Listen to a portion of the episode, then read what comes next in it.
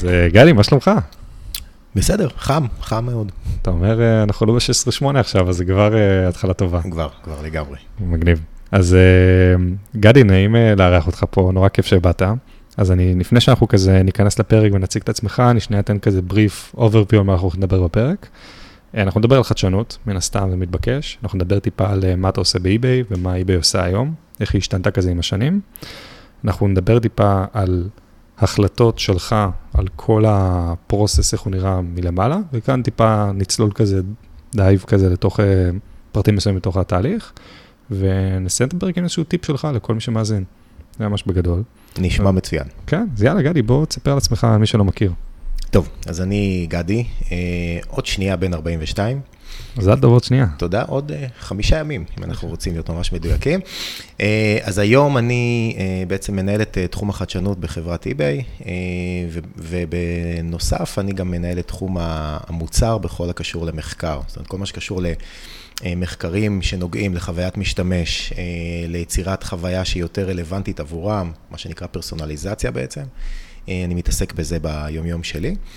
אה, בנוסף למה שאני עושה באיבי, אני גם אה, עוסק כיועץ אה, בתחום החדשנות, אני מתעסק גם עם סיוע לסטארט-אפים וגם בעצם בעבודה לפעמים מול מוסדות ממשלתיים. וגם מרצה, בעצם מלמד את התחום, את תחום החדשנות, תחום, התחומים שבעצם נושקים לתחום הניהול מוצר בתוך הדבר הזה, ומתעסק הרבה, למעשה, אפרופו הקונטקסט שלנו להיום, בנושא של קבלת החלטות ובעצם איך גם להניע אה, החלטות אחרי שקיבלנו אותן. כלומר, מתעסק מצד אחד בצד הטכנולוגי, אבל גם נותן משקל מאוד מאוד משמעותי לצד הבין-אישי ולעבודה בין אנשים ודינמיקות בין אנשים, ואיך בעצם ליצור את הנתיב להצלחה בהקשר הזה. מה ההחלטה האחרונה שאתה קיבלת בתפקיד, שאתה אומר, אה, זו הייתה החלטה טובה? אמ, בתפקיד אה, אני יכול למשל, קודם כל אני אציין, סתם כדוגמה, ששבוע שעבר החלטתי לקחת חופש, אז זאת הייתה החלטה מצוינת. החלטה הכי טובה, אתה אומר. החלטה ממש טובה, עשיתי קייטנת אבא עם הילדים. בעצם כל השבוע היה לנו לו"ז מסודר של קייטנה, כל יום בריכה, ים וכו', וזאת הייתה החלטה היה kick-off לקייטנה הזאת? עשינו, עשינו השקת נהלים, חילקתי trophies, אתה יודע, עשיתי את זה כמו, עשינו חולצות אפילו. וואלה. כן, כן. טוב, זה יפה, זה יפה. זה היה מאוד אה, נחמד, החלטה מצוינת. אה, בעבודה, ההחלטות שלי נוגעות הרבה מאוד פעמים לשאלה. אה, מה חשוב ל user. זאת אומרת, אני לא אוהב לשאול את עצמי מה, מה יגרום ל user לקנות יותר. אני חושב שזאת שאלה לא נכונה. אני חושב שאני צריך לשאול כל הזמן מה יהיה יותר רלוונטי ומה יהיה יותר מתאים ל user. מתוך הנחה שאם אני אצור ל user שלי את החוויה שתתאים לו, בסופו של דבר הוא ילך איתנו כמובן. אה, אז החלטה רלוונטית ממש משבוע שעבר הייתה בהקשר לאיזשהו מודל שאנחנו עובדים עליו בעולם הפרסונליזציה, החלטה שהיינו צריכים לקבל בהתאם לתוצאות שעשינו באיזשהו ניסוי, להבין האם הניסוי, האם התוצאות שראינו, למשל העלייה במכירות או בהקלקות, הוא מספק, הוא מספיק לנו לא רק במובן של האם הצלחנו ללקוח לקנות יותר, אלא האם הוא שבע רצון יותר. וההחלטה הייתה בעצם לבוא ולמדוד עוד פרמטרים שקשורים גם לשביעות רצון הלקוח, ולא רק לגידול במכירות כאלה ואחרות. זאת בעיניי הייתה החלטה טובה, כי כשאנחנו מסתכלים על מדדים, אנחנו יכולים יותר טוב לפלח עכשיו את קהלי היעד שמשתמשים בה. אה, בחוויה ולהבין איפה הם מרוצים יותר, והאם אנחנו יכולים ליצור בעצם אה, שביעות רצון לטווח ארוך יותר. אז בוא, אני אשמח כזה, אם שנייה, מן הסתם מי שלא מכיר את eBay נראה לי קצת מוזר, אבל eBay זה פלטפורמת e-commerce נראה לי בין הגדולות בעולם. אה, אני אשמח שנייה להבין איך eBay נראית מאחורי הקלעים מהצד שלכם. זאת אומרת, מה באמת יותר חשוב לכם, כמו שאמרת, בשביעות רצון של הלקוח? אפשר, איך אפשר למדוד את זה בכלל? זה נראה לי נורא מעניין אותי גם, שאני תמיד משתמש באתר, אבל לא מכיר איך זה נראה מאחורי הקלעים. כן, אז אולי בכלל כדאי קצת לתת רקע על... אה, מה קורה בעצם באי בישראל. אנחנו חלק יאללה. מהקורפורט הגדול והעצום שנקרא eBay. אז בישראל בעצם היום יש בערך כ-300 עובדים. אה, אנחנו מתעסקים בהרבה מאוד דיסציפלינות, אה, מצד אחד עולם ניהול הקטלוגי, מה שנקרא Structure Data, בעצם איך אנחנו יכולים לאפיין את מה שנמכר באי-ביי, באי-ביי, רק לסבר את האוזן, יש משהו כמו מיליארד וחצי פריטים שמוצאים למכירה בכל נקודת זמן, והצורך לנהל את זה ולהבין מה קורה בתוך כל הפריטים ובתוך כל החוויה שמוצעת לקונים, הוא כמובן אה, מאוד מאוד משמעותי. צריך יש לנו חטיבה שלמה שמתעסקת בעצם בעולם בניית הקטלוגים, המחקר, אה, אה, מציאת התוכן הרלוונטי לקטלוגים האלה. וקבוצות נוספות שנותנות שירותים גם לסלרים בעצם עצמם, אותו, אותו דבר בעצם, בונים חוויות שרלוונטיות לסלרים, כלים עבורם, איך לעזור להם למכור בצורה יותר אפקטיבית באי-ביי. קבוצת ה-Buyer Experience, חוויית המשתמש, בעצם שאני גם שייך לחטיבה הזאת. וקבוצות שמתעסקות גם בעולם האופטימיזציה של SEO, עולמות הסייבר וכולי. זאת אומרת, זה אתר מאוד מאוד מגוון אצלנו. עכשיו, לגבי איך אנחנו בעצם מסתכלים על הנושאים, אז בעצם בכל אחת מהחטיבות שציינתי, אנחנו עובדים בעצם עם, בעצם מתחילים מהגדרות הבעיה הגדולות שיש לאי-ביי בעצם ברמה האסטרטגית, עם מה מתכננים להתמודד, נתחיל נניח מהשנה הקרובה, מהחציון הקרוב, מהרבעון הקרוב ועד לרמת החודש הקרוב וגם אפילו למטה מזה. ובעצם בהתאם לאותן בעיות שאנחנו מזהים, וכשאני אומר בעיות, הרעיון הוא בעצם להתמקד בלקוחות. איזה בעיות יש ללקוחות שלנו בתחום ה selling, בתחום ה buying, בתחום הקטלוגים וכו', בכל, בעצם בכל הנושאים שציינתי. ומשם אנחנו מתחילים בעצם לחשוב על איך אנחנו יכולים לבוא ולפתור אותם, את אותן בעיות, ומתוך זה אנחנו בעצם בונים את תוכניות העבודה שלנו. זה דבר שבעצם מאוד משקף את תהליך העבודה שאנחנו עושים עבור כל אחד מה, מהחטיבות. ואם אני רוצה שנייה לחזור למה שאמרנו מקודם, על eBay של פעם לעומת eBay של היום. סתם כזה שנסבר את האוזן, איך היה השינוי של הפלטפורמת e-commerce, נראה לי, בין הוותיקות שיש, למשהו שקצת ליישר קו עם העולם המודרני, שהדברים השתנו קצת, עם הפרסונליזציה, עם חוות משתמש הרבה יותר שונה מפעם, אני מניח. של, נשמח כזה, איך גם המחקר בא לידי ביטוי בכל הדבר הזה. כן, בהחלט, נקודה מצוינת. אז קודם כל, eBay קיימת משנת 1995, אה, באמת חברה אה, ותיקה בתחום. אה, הוא marketplace, אנחנו בעצם מאפשרים מפגש בין קונים למוכרים, אנחנו לא מוכרים סחורה בעצמנו, אנחנו מאפשרים בעצם את ה marketplace הגדול בעולם היום. והחוויית משתמש אכן משתנה לאורך השנים. בואו נתחיל קודם כל, זה אולי קצת נדוש להגיד קורונה, אבל הקורונה עשתה שינוי מאוד מאוד דרמטי בעולם ה e-commerce. אה, וראינו גידול באופן כללי בתעשיית ה e-commerce של מעל 20 אחוזים תוך שנה אחת בשנת 2020, שנקווה לשכוח ברמת הקורונה. וסתם בשביל להשוות את זה לשנים קודמות, מה היה הגידול בדרך כלל בשנים הטובות, מה שנקרא? בשנים הטובות עדיין, הצמיחה הייתה טובה, אבל נניח היה, נניח בין 5 ל-8 אחוזים כל שנה, ואנחנו, שנה שעברה זה היה מעל 20 אחוזים, שזה באמת אה, צמיחה מטורפת. אה, תוך כדי שאנחנו כמובן רואים הרבה מאוד תהליכים שקורים, כמו אה, רשת האינטרנט שהולכת ומתפתחת, יותר ויותר בתי אב מתחברים לרשת האינטרנט, אה, ככה שיותר ויותר צרכנים בעצם צורכים שירותים דרך האינטרנט מהטלפון הסלולרי, מהמחשב וכולי, וכמובן, מי שזוכר, היה, היה הרבה מאוד שיח קצת לפני הקורונה, על התעש... בעצם על תעשייה שלמה שהולכת ו... נתקלת יותר ויותר בקשיים, בעצם אותו, אותו עולם פיזי, חנויות הפיזיות, הקניונים שהולכים ונסגרים ברחבי ארה"ב, תחזיות אימים של סגירה של רבע מהקניונים בארה"ב תוך שלוש שנים. הדברים האלה בעצם יצרו, אה, ואז הגיעה הקורונה, וזה יצר כמות תנועה עצומה לכל אתרי האי-קומרס בעולם, בעצם הרבה מאוד אה, קונים שבאים לקנות ברשת האינטרנט כחנויות סגורות, ומצד שני, הרבה מאוד בעלי עסקים שמגיעים גם לאי-ביי, גם בישראל ראינו את זה בצורה מאוד מאוד בולטת, שבאים ופותחים חנויות באונליין כדי בעצם להתפרנס. אה, ובנושא הזה אני הרגשתי שהמשימה שלנו לאפשר פרנסה לאותם מוכרים היא משימה מאוד מאוד חשובה. אה, אה, ובעצם הרבה מאוד אנשים שלפתע איבדו את הפרנסה שלהם יכלו לבוא ולמכור באינטרנט. עכשיו אנחנו מדברים בעצם על גידול עצום בטרנזקציות, בכמות הקונים, בכמות המוכרים. וזה כמובן מאלץ אותנו לה, לה, אמ, להתמודד עם אתגרים מאוד מאוד קשים, לא של big data, של huge data, מה שנקרא, אה, ולהיות מסוגל לאפשר לכל בן אדם שנכנס אה, ל eBay, אה, בעצם את היכולת למצוא את מה שמתאים לו, הרי לך תמצא עכשיו משהו מתוך מיליארד וחצי פריטים, וגם אם תחפש, אם נניח קונה רוצה עכשיו לבוא ולקנות שמלה, גם אם תחפש שמלה והיא תראה 10 מיליון תוצאות, יהיה לה מאוד קשה להבין מה... כנראה לא תעבור אחת-אחת. אה, כנראה שלא, למרות שלך תדע. יש הרבה זמן פנוי וזה, מי יודע. אה, קיץ בכל זאת. אבל אה, פה נכנס בעצם העניין המחקרי בין היתר. כשפרסונליזציה, בעצם אני מתרגם את זה באופן כזה לעברית, התאמה לפרט, בעצם. פרסונליזציה אחד מהכלים, בעצם אנחנו משתמשים פה בעצם ב machine learning, כדי לבוא ובעצם להיות מסוגלים לקחת את כל הדאטה של אנשים שקונים ב eBay ועושים טרנזקציות ב eBay, ולהבין מה יכול להיות יותר מעניין עבורם.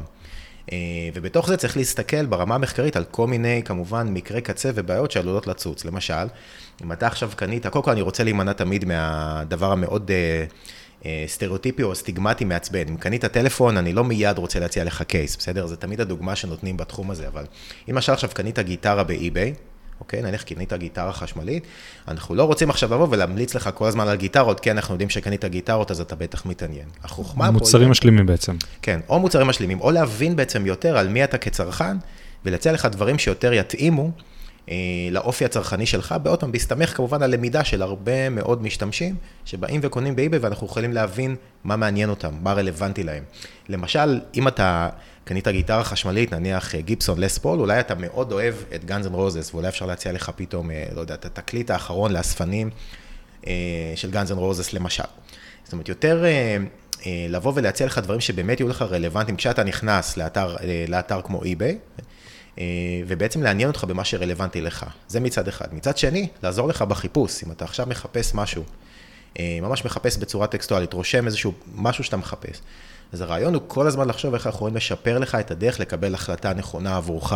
האם להציג לך, אה, למשל, השוואת מחירים למוצרים אחרים. האם להציג לך אלטרנטיבות בכל מיני טווחי מחירים. ללמוד בעצם מה מעניין אותך, באיזה טווחי מחירים אתה מתעניין ומה אתה מחפש, וגם אם תחליט שאתה לא רוצה לקנות, זו גם החלטה טובה. יכול להיות שהבנת בעקבות המחקר שעשית בתוך האתר, שזה לא מתאים לך כרגע, גם בסדר. העיקר שאתה תרגיש שאתה מקבל את ההחלטה הנכונה עבורך על סמך באמת מידע רלוונטי, אה, ולא להציף אותך כל הזמן אה, בדברים שכבר רכשת. יש הרבה פעמים דוגמה שאני שומע בעולם ה e-commerce בכלל, למשל קניתי sneakers, All Stars, אז עכשיו כל הזמן האתר שולח לי מיילים ומפגיז אותי בהצעות והודעות, בוא תקנה סניקרס, בוא תקנה All Stars וזה. אז רעיון הוא כמה שיותר להימנע מהדבר הזה ולתת לך משהו שבאמת אה, ילהיב אותך כמשתמש. ברור, ואם אני שנייה רוצה לחזור באמת לבקשה של ה-eBay מאחורי הקלעים, מה שנקרא, אז זה המטרה, בעצם לעשות פרסונליזציה כמה שיותר טוב. אם אני עכשיו שם את עצמי שנייה בכובע שלך, אתה יודע מה, מה השאיפה, אבל איך אתה גורם לזה בפועל לידי ביטוי? זאת אומרת, איזה תהליכים מאחורי הקלעים צריכים להתבצע, בשביל באמת להגיע לרמה מושלמת של אני עכשיו user X וקניתי גיטרה, ובאמת אתה מציע לי את התקליט של Guns N' Roses בשביל אותו דבר. אני כן אומר, בוא ננסה לעשות את זה כמה שפחות טכני, זאת אומרת, מונחים טכניים מן הסתם יהיו פה, אבל באמת לתת את ההרגשה של שנייה להבין בגדול איך נראה כל התהליך הזה, של להגיע לנקודת קצה הזאת של התוצאה. כן. איזה דברים נדרשים מהצד שלכם? של הפיתוח, של, ה, של המוצר גם, של החדשנות, באמת זה... כן, אז קודם כל, אני, אני רק אדייק, כמובן המטרה של החטיבה שאני בעצם אה, נמצא בה היא עולם הפרסונליזציה, כמובן יש עוד הרבה מאוד אתגרים, כמו שאמרתי, ב, מעולם הסייבר וה fraud prevention, ועוד הרבה מאוד אזורים שהיוזר צריך אה, עזרה כקונה, ולא בהכרח קשורים לפרסונליזציה, אבל זה כמובן בתחומים אחרים. אה, אני אגיד לגמרי, ביקשת לא במונחים טכניים, אני קודם כל אגיד, אני בעצמי לא בן אדם טכני, זאת אומרת, תואר ראשון עשיתי בהנדסת תעשייה וניהול, תואר שני מנהל עסקים. ואני לא בן אדם טכני בהגדרה, אני עובד בתחום הטכנולוגי הרבה מאוד שנים, אני בתחום 15, 16 שנים כבר, 17, לא עם אדירים, אני זקן. אה, אז אני מתעסק הרבה בתחום הטכנולוגי, אבל אני לא טכנולוג. עכשיו, זה בדיוק גם מתקשר לנושא של אה, אה, קבלת החלטות, כי אחד מהדברים שהבנתי שמהר מאוד צריך לעשות כדי להיות מסוגל לעבוד מאחורי הקלעים בצורה נכונה על אותם לקוחות, הוא לא להניח ש machine learning זה black box. הרבה פעמים אומרים את הדבר הזה, לא, machine learning זה black box, ניתן לו לרוץ על הדאטה ומה שיצא יצא. זה בסדר. אבל כדי להיות מסוגל כאיש מוצר, להבין מה הלקוח צריך, ומצד שני להבין מה אני הולך לתת לו, אני חייב להבין הרבה יותר לעומק מה, מה אני הולך לקבל מאותה קופסה שחורה, ואיזה נקודות קצה יכולות להיות, או איזה מקרה קיצון. כדי לעשות את התהליך הזה, אה, אני למשל התחלתי איזשהו תהליך אה, אה, אצלנו, שאני קורא לו BBD, שזה ה-Black Box Document. בעצם מטרת המסמך היא בעצם אה, להגדיר עבור כל פרויקט שאנחנו עושים, או עבור כל מוד, אה, מודול שאנחנו רוצים לבנות, מספר אה, צעדי מפתח. ניקח למשל מודול שרבים מאיתנו מכירים שהם גולשים ככה בעולמות ה e-commerce, שאנחנו קוראים לו PIYI, שזה Popular in your interest. מה פופולרי בתחומי העניין שלך, בסדר? עכשיו, כדי לבנות את המודול הזה, אנחנו בעצם, כמו שאמרתי, ברמת ה machine learning באים וסורקים בעצם מה חיפשת, איזה, איזה פריטים אה, צפית בהם, מה הכי אהבת, מה שמרת וכאלה, ואז בהתאם לזה מציעים לך את החוויה. אבל זה אה, בעצם כאילו המכונה עושה. עכשיו, לתוך הדבר הזה אנחנו בעצם מתחילים לדון באותו מסמך שציינתי, בעצם איזה סוג חוויית משתמש שאנחנו רוצים, זאת אומרת, כמה רלוונטי זה צריך להיות ל user, כמה זה אמור, באיזה אפילו אחוזים אה, זה אמור בעצם להפתיע את המשתמש, לעומת לתת לו את מה שהוא מכיר כל הזמן. ואז אנחנו מתחילים בעצם לנסות לכתוב כל מיני חוקים. עכשיו, Machine Learning זה לא חוקי, זה לא rule based, אנחנו באים וכותבים חוקים, או מנסים לכתוב לעצמנו חוקים שלא נכנסים לשום אלגוריתם, זה רק למסמך, כדי להסביר לעצמנו מה קורה מאחורי הקלעים. רחב ככל האפשר. זאת אומרת, לפשט את זה כמה שאפשר. הכי פשוט ברמת ה... שעכשיו יבוא בן אדם שלא יודע מה זה Machine Learning בכלל, ויוכל לקרוא ולהבין מה הדבר הזה עושה. מדהים. אותם חוקים, אנחנו, אחרי שאנחנו בעצם כותבים את אותם חוקים שאנחנו יכולים לחשוב עליהם, אנחנו באים ואומרים, אה, איזה מקרה קצה יכולים לקרות, או אני אוהב לקרוא לזה, מה, כשאני מדבר עם החוקרים אצלנו, אז אני ממש אומר, מה האסון הכי גרוע שאנחנו יכולים לגרום לו, מה הפדיחה הכי גדולה, אה, את מי יפטרו בי, לא סתם, אבל כאילו, מה, מה הדברים הכי איומים שיכולים לקרות, ואנחנו ממש יושבים וחושבים, מה הדבר הכי גרוע שיכול לקרות. אה, האם אנחנו מפלטרים משהו החוצה, האם יש כל מיני דברים שאנחנו יכולים לבוא ולהסביר, ובסעיף האחרון אנחנו קוראים לו Q&A, בעצם סעיף שכל אחד יכול, בין אם זה חוקר, איש מוצר, ה-VP שלנו, whatever, לרשום שאלה ולקבל תשובה עליה. האם יש מצב שבדף הבית ב-Popular in your interest אתם תראו לי אה, עוד פעם פריטים שכבר קניתי. אז אנחנו צריכים להיות מסוגלים לענות, נניח כן, ובאיזה הסתברות זה יכול לקרות. הדבר הזה מאוד עוזר לי, אה, מאוד עוזר גם בכלל לצוות, למקד מאוד את ה... אה, את העבודה סביב מה הלקוח מקבל, מה הערך שהוא יקבל ואיך אני יכול להיות מסוגל להסביר, אתה יודע, אני עכשיו אני, יש לי פגישה עם הנהלה בכירה ואני צריך להסביר להם על מה אנחנו עובדים. אה, אף אחד לא אוהב שאומרים לו, לא, לא, זה קופסה שחורה ונראה מה יצא. אתה רוצה קצת להתכונן גם לסכנות, מה שנקרא, או, לדבר, או לבעיות שעלולות לצוץ. אז זה אחד הכלים שאנחנו משתמשים בו, והוא מאוד מאוד עוזר לי ברמת השליטה שלי אה, לסיפור הזה. כמובן שיש הרבה מאוד כלים טכנולוגיים שבעצם החוקרים שלנו משתמשים בהם. אה, וזה כמו שאמרת, זה מאוד מאוד טכני ומאוד מאוד מתקשר למתמטיקה ולמדעי המחשב בפנים, אבל בוא. בסוף את הלקוח מעניין. מעניין את התוצאה, אני כן. רוצה את האלבום של גנצס רוזס. בדיוק, ה... לגמרי, הנדיר, אם אפשר. אז באמת, אחרי שעשינו את ההפשטה הזאת של, ה... של כל הנושא של ה machine learning, של הקבוצה, של הקופסה השחורה, what's the next step? כאילו, מה... אתה מנסה להבין צרכים שיכולים לבוא מהלקוח, אתה מנסה, כאילו, תעשה יחד איתי את הסימולציה של מה שאתה עושה עכשיו בראש, סתם בשביל להבין איך נראה התהליך של החשיבה הזאת, קצת מחוץ לקופסה. אוקיי. אז קודם כל, יש את התהליך כולו, שבעצם ה-Machine Learning עצמו, אני לא אלאה בפרטים, אבל שזה איסוף ה data, ניתוח, בדיקת אה, רגישות וכל הדברים האלה. אה, בסופו של דבר, יש לנו נניח מודל עובד, עשינו עליו בעצם את כל המחשבה, המסמך פחות חשוב לי, התהליך של החשיבה וזה הרבה יותר חשוב לי, הבנו את כל הנקודות, את כל הסכנות, את כל הדברים האלה. אה, והדבר הבא הוא כמובן data, אה, זאת אומרת לבוא ולבחון מול הלקוחות שלנו מה עובד להם, וכמובן מתחילים בצורה מאוד זהירה, פיילוטים הם בדרך כלל, מאוד חשוב לנו שבעצם כל דבר שאנחנו עושים, כמה שנוכל, יהיה מאוד מבוסס data, אה, ברמה שאפילו אם אפשר לצאת לטסט מול הלקוחות שלנו כל שבועיים למשל, לבוא, להריץ טסט על נניח אחוז אחד מהלקוחות שלנו במדינה כלשהי, נניח ארה"ב, לעשות איזשהו A-B טסט, לקבל את החיוויים, לנתח אותם, להבין מה עבד טוב, מה עבד לא טוב, ואז לחשוב האם אנחנו צריכים להתחיל את התהליך מחדש, יכולים להרחיב את, ה, את הפיילוט ליותר לקוחות. בעצם תהליך מאוד מאוד מדורג וזהיר, נניח אחוז אחד, חמישה אחוזים, חמש עשרה אחוז, וכך הלאה, עד שאנחנו מגיעים ל... רק חשוב להסביר, A-B test זה בעצם תהליך שאתה עושה בדיקה של שתי קצוות או שתי scenario של משהו, אתה רואה בעצם מה הולך יותר, ואז אתה יודע מה להמשיך. כן, זה כאילו ממש, אה, אני בוחן A מול B, מחלק את הקהל שלי לשני קהלים שאמורים להיות זהים בהתפלגות שלהם, כדי שאני לא אצור פה שום הטיה. אה, מריץ למשך נקודת זמן מסוימת עד שאני מקבל מספיק traffic, כדי שהתוצאות יהיו מובהקות סטטיסטית, ואז אני יודע מי ניצח בעצם. מגניב. אז עשינו את הדבר הזה, קיבלנו תוצאה שקהל B אה, עשה ככה וככה לצורך העניין, המשכתם הקמפיין לקהל B, או עם הפיילוט, מה קורה אחרי זה? זאת אומרת, מה... יצאתם תוצאות, ש...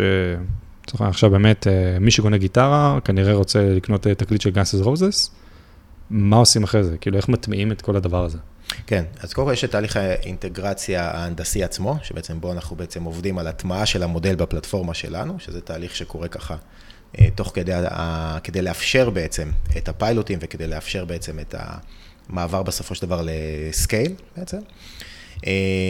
ככל שאנחנו רואים את התוצאות שאמרת, שהן, אנחנו רואים שהן חיוביות, או תלוי, לפעמים זה אפילו יכול להיות ניטרלי, ואנחנו מאמינים שזה יתקדם אחר כך, פשוט מרחיבים את החשיפה של המודל, עד שאנחנו מגיעים למבחן במרכאות הסופי, קיבלנו תוצאה שהיא מועילה בעצם ליוזרים, לא פוגעת במשהו, באיזה שהם מדדים אחרים, אנחנו בעצם משחררים את זה ל production, וזה עכשיו כל הלקוחות שלנו מקבלים את, את החוויה הזאת. בעצם זה בעצם פיצ'ר חדש שאני כלקוח אמור לראות. כן.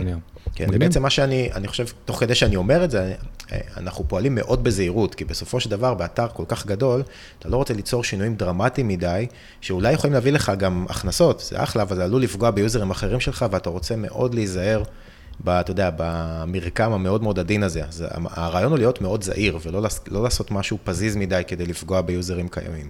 וסתם בשביל ההמחשה, העניין באמת, אה, אם עכשיו אני עושה שורת חיפוש כלשהי באי-ביי, שעכשיו אני רוצה לחפש, אה, בוא נניח גיטרה לספול, ואני מקבל תוצאות שהן דומות או עשויים לעניין אותי, כמה זמן התוצאה הזאת של השורת חיפוש לוקח מאחורי הקלעים, מבחינת כל המחקר מא' עד ת'. בתוך הסרצ'? בתוך לא, הסרט, זה- סטאדי עובר. לא, אני לא מדבר על, התוצאה עצמה, כמה. זמן הפיתוח לוקח לעשות את הדבר הזה, כאילו.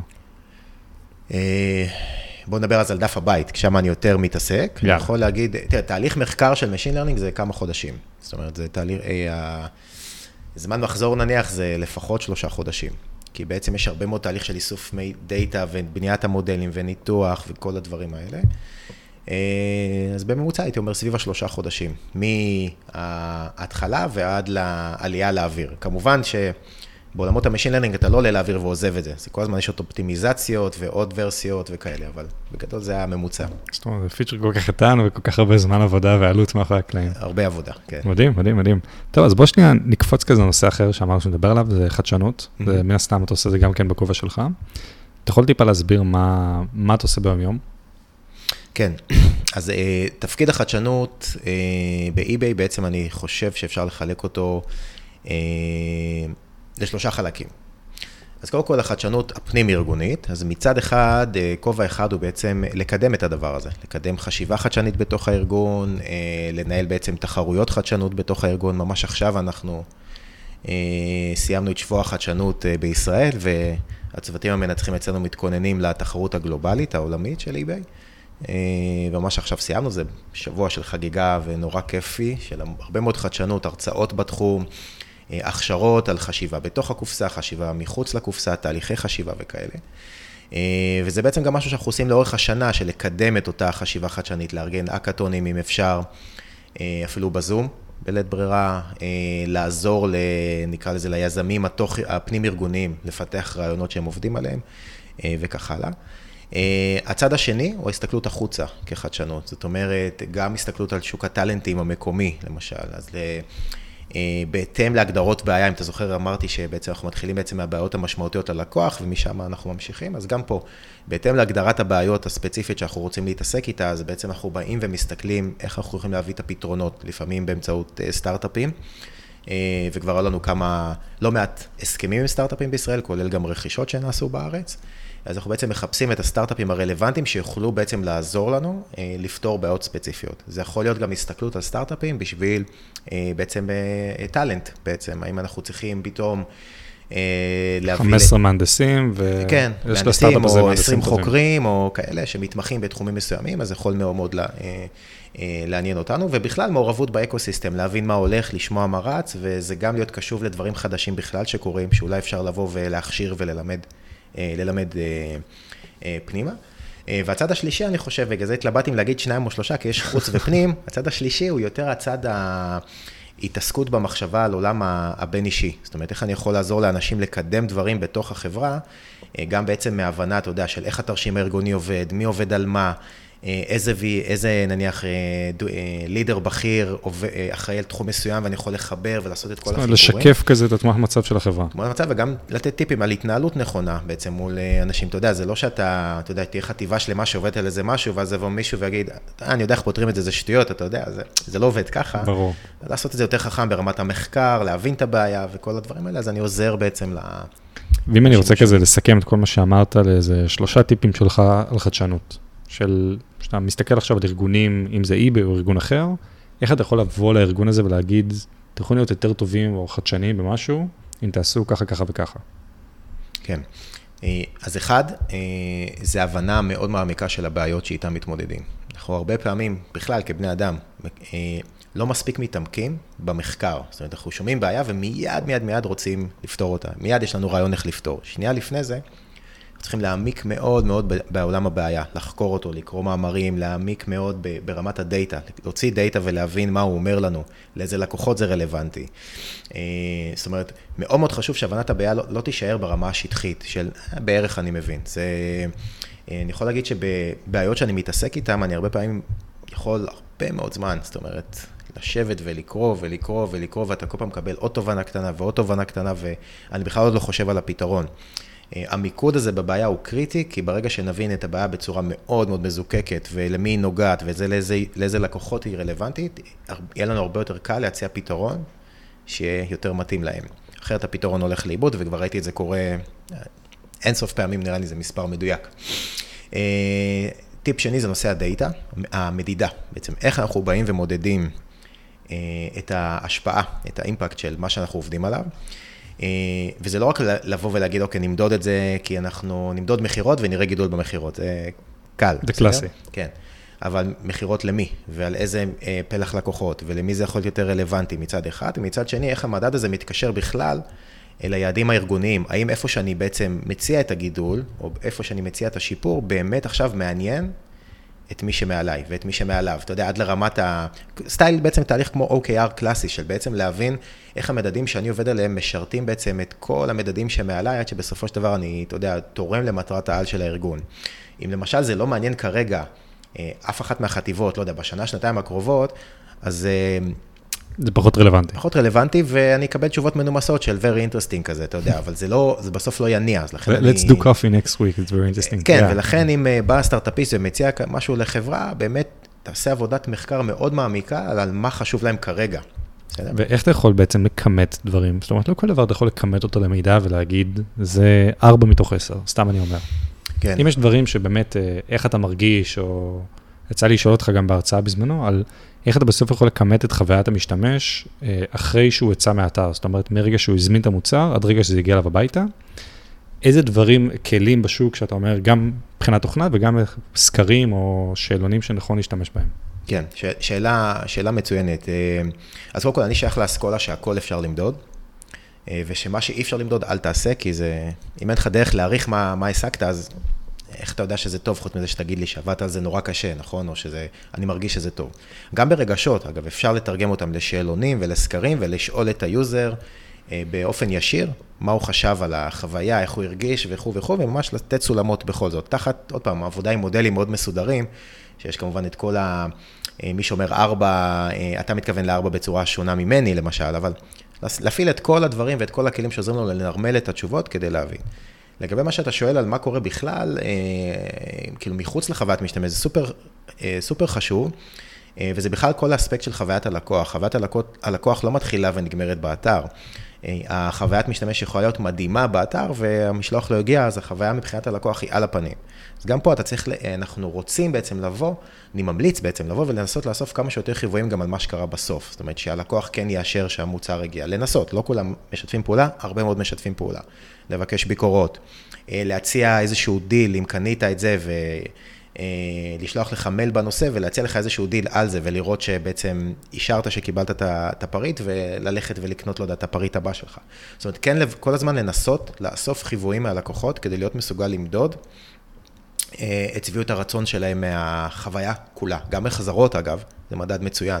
ככל שיש יותר החזרות, אתה מבין שיש לך אה, אולי בעיה ב... האם הפריט הוא בדיוק מה שתואר באתר, למשל. אה, האם ההחזרה היא כי המוצר דפוק, האם היה פידבק לא טוב על מוכר כזה או אחר. זאת אומרת, הרבה מאוד מדדים שעוזרים לנו לבוא ולמדוד את שביעות הרצון. בסופו של דבר, אני חייב לכמת, אם אני לא אכמת, לא תהיה לי שום דרך לדעת אם הצלחתי. ובעולם ה machine learning זה חשוב אפילו עוד יותר, כי זה תמיד עולם שנתפס בעיני אחרים כמשהו כזה מאוד אה, מחקרי כזה. כי טוב, הם עושים machine learning, אם יצא משהו סבבה, אם לא יצא לא סבבה. אני נגד זה, אני חושב שאפשר לעשות עם זה דברים נפלאים. צריך אבל להיות מאוד strict ומאוד אה, אה, מדויק לגבי המדדים שאתה עובד עליהם, ומה אתה בעצם הולך לעשות עם העבודה הזאת. ו... אני כן כזה רוצה לגעת בכל נושא של אה, שוב פעם בחדשנות, בכובע עכשיו טיפה אחר, של איך אפשר ללמד חדשנות, או ללמד את כל הנושא הזה של חשיבה חדשנית. כן, שאלה טובה, אה, כי אני גם מלמד חדשנות בעצמי, אז כן, באמת זו סוגיה שהתמודדתי איתה בעצם כשבניתי את הקורס. והיה לי נורא כיף לבנות אותו, כי בעצם חקרתי המון את עולם החדשנות, לא רק מ... נניח ידע שהיה לי, המון המון אספתי ולמדתי מכל מיני הרצאות שהקשבתי להם, וחומרים שקראתי, וספרים שקראתי בנושא.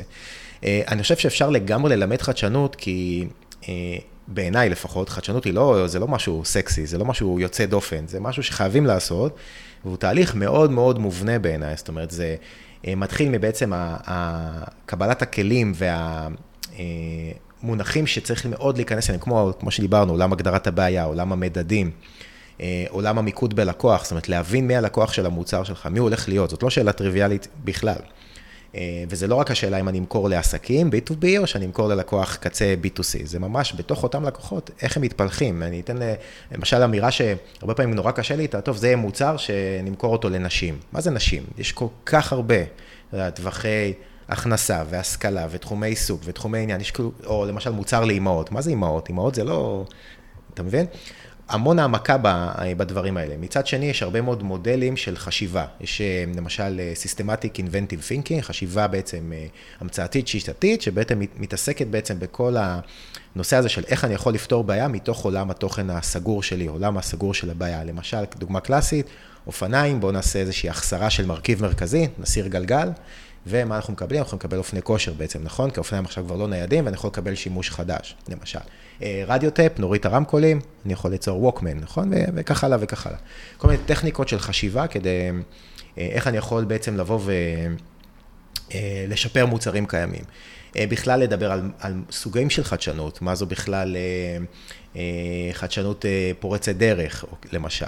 יכולים ללמוד כל מיני מודלים של חדשנות, במה אני יכול לעשות חדשנות. חדשנות היא לא רק מוצר, בסדר? חדשנות יכולה להיות במודל העסקי, למשל נטפליקס. אה, חדשנות יכולה להיות ב... אה, איך אני גובה את הכסף מהלקוחות, למשל פרימיום, כמו ביוטיוב, שאתה משלם בעצם על זה שלא תראה פרסומות. מי היה חושב על מודל כזה, אתה יודע, לפני... לפני כמה שנים. כן, כן. אגב, אני, אני עשיתי את זה למשל, כי באמת אני נורא, אני שומע המון מוזיקה. וכן, אם פעם צחקתי על זה, מה, למה שאני אשלם? כן, אז אני היום משלם. אתה עובד בחברה לא נכונה, הייתי צריך לעבוד ביוטיוב ולקבל את זה בחינם. לקבל את זה בחינם, כן. ו... אה, אומרת, יש הרבה מאוד מודלים גם של חדשנות בכלל, כמו מודל דלויט המפורסם שמדבר על הסוגי חדשנות, אה, וגם איך עושים בכלל מזה כסף, זה לא טריוויאלי, זה לא, טוב, בוא נציע פרסומות ואז אה, נקבל כסף. זה מודלים נורא נורא קשים ומורכבים, אז יש הרבה מאוד שיטות, אני אומר במרכאות חדשניות, כי הן כבר מוכרות, איך ליצור חדשנות גם ב... המונחים האלה. רוצה לומר במילים אחרות שאתה לא חייב להיות טכנולוג כדי לייצר חדשנות. יש הרבה מאוד שיטות לייצר חדשנות, ושהן לא תמיד בהכרח בתחום המוצר, ואגב, בתחום המוצר, חדשנות טכנולוגית, יש בה את התחרות הכי קשה, כי זה הכי הכי קשה ומאתגר להיות הסופר מבריק והמספר אחת בתחום כדי לייצר הצלחה. ככה שבהחלט אה, יש מה ללמוד בתחום החדשנות ולהתנסות בעצם בכלל בחשיבה הזאת. אני חושב שבאמת, אבל הכלל הכי חשוב בתוך כל הדבר הזה, זה להבין את הבעיה שאתה מנסה לפתור. אה, לא להשאיר את זה ברמה השטחית, להעמיק בזה, גם אם אתה תחקור על זה ימים ושבועות, זה נפלא, זה אומר שאתה רק הולך ומתקרב אה, לדרך שבה תוכל להציע איזשהו פתרון והצעת ערך ללקוח, שתיתן אפילו מענה חלקי לבעיה, אבל אתה תיתן מענה אמיתי. ואם אני רוצה שנייה באמת לחזור לאמירה של להבין את הבעיה שאתה הולך לפתור, מאיזה זוויות אתה צריך להסתכל על הבעיה הזאת? מן הסתם, בזווית של הלקוח זה תמיד, מהזווית של מי שפותר את הבעיה זה גם. צריך להסתכל על זה מאוד כובעים? אני חושב שכשאתה בא ומסתכל על, ה, על הבעיה, אז כן, אתה בא מהצד של בעצם מי שחוקר את הגורמים והסיבות, אה, אתה צריך להסתכל על איזה לקוחות זה ישפיע, אה, ואז כן, אתה צריך להסתכל פה בעוד גורמים ברמת של, אוקיי, יש את הבעיה, אתה לא עובד בסיילו, נכון? אז יש, בוא נגיד, למשל, ניקח את עולם ה-SWOT, בעצם, ניתוח החוזקות, חולשות, אה, הזדמנויות ואיומים, אז לקחת גם על עולם הבעיה עצמו, ולהתחיל לחשוב, אוקיי, מה קיים בשוק? לעשות בעצם ניתוח של, יש את הבעיה הזאת, מי מתמודד איתה היום, מה מנסים לעשות שם, מה ניסו לעשות שם, ולהתחיל ללמוד בעצם מה קורה ולחיות את השוק הזה, להבין מי המתחרים המרכזיים בתחום, איזה אספקטים בתוך הבעיה מנסים אה, אה, אה, לפתור, אה, איזה הזדמנויות ואיומים בעצם יש בתוך כל עולם הבעיה הזה, וזה בעצם אמור לתת לנו איזושהי זווית מלאה, מצד אחד הלקוחות, מצד שני הבעיה, נניח טכנית או לא טכנית, ומצד שלישי העולם העסקי, אה, מה קורה היום בתוך כל עולם הבעיה הזה, ומה מנסים לעשות ומה ניסו, ואולי אפילו, אפילו יותר חשוב, מה ניסו לפתור ונכשלו בו, מה אפשר ללמוד מאותן כישלונות שנעשו בסיפור הזה. מדהים. טוב, אז אנחנו מגיעים לקראת סוף הפרק. אני אשמח כזה אם נוכל לתת לך איזה טיפ שלך לכל מי שמאזין, כל נושא שהוא, כל מה שבא לך, משהו, טיפ מגדי. כן, אני יכול לתת טיפ, אה, דווקא לא טכנולוגי, אבל כן קשור כן. אה, לסיכויי הצלחה כיזם. כשאתה כיזם או מייצג חברת סטארט-אפ, אתה מגיע ומנסה למכור את המוצר שלך לחב, לחברה מסוימת, נניח אה, חברה מסדר גודל בינוני ומעלה, אחד הדברים המאוד מאוד חשובים הוא לחקור על החברה ולהבין את המבנה הארגוני שלה. להבין כמה שיותר, לאסוף כמה שיותר מידע, מי מתעסק במה. אה, ולהבין אם ההצעה שלך עלולה לדרוך על כל מיני אה, בעונות איפשהו. למשל, אם אתה בא ומציע פתרון שתיאורטית כמובן, לא יודע, אמור לגרום לסגירה של מחלקה שלמה, ואתה בא ומציע אותו למנהל של המחלקה, כנראה שאתה לא עושה, לא, כנראה שלא תקבל. לא עשית עבודת עבודה, כן. הכנה טובה. עכשיו, אני מאוד בעד בעצם להבין את כל המבנה הארגוני ואת כל הדבר הזה ממקום של הרבה מאוד כבוד, גם לפן האנושי, לפן הפוליטי, לכל הצדדים האלה, ו- ולשבור את הראש ולחשוב אה, איזה הצעות אתה יכול להביא שכן יציעו ערך. גם אם אתה בא ומציע כביכול פתרון, זה תמיד כמובן תיאורטי, אה, אה, פתרון שיגרום לסגירה של המחלקה, בוא תחשוב האם אתה יכול להציע להם ערך משלים, להציע, לעשות איזשהו סוויץ' בהצעת הערך שלך לאותה חברה, ולהציע משהו שייתן למחלקה הזאת בכל זאת ערך נוסף. ואז זה כבר הופך את הסיפור ליותר מעניין. ועוד דבר בתוך הבנת התרשים הארגוני, גם לנסות כמה שיותר להגיע לבן אדם שמקבל את ההחלטה. לא כל טייטל מפוצץ, הוא טייטל של בן אדם שמקבל את ההחלטה האם להתקדם איתך או לא. כדאי מאוד לנסות להבין מי באמת מחליט ולנסות להגיע אה, לאנשים, אה, לאנשים האלה, או ליצור מצב שהפרטנר שאיתו אתה מדבר יכול להיות הצ'מפיון שלך מול אותו מקבל החלטה. כדאי מאוד להשקיע בזה מחשבה, זה, זה יכול למנוע הרבה מאוד תסכול אה, ולייצר הרבה מאוד ככה ניצנים ראשונים של הצלחות באותן חברות. מדהים. גדי, תודה רבה על הזמן. תודה, עבר ממש מהר והיה ממש כיף. כן, כיף נורא לארח אותך, ואם יש שאלות אז אני אפנה ללינקדאין שלך או אני אשלח מייל למי שישאל. בשמחה. ונתראה בפרק הבא. תודה רבה רבה.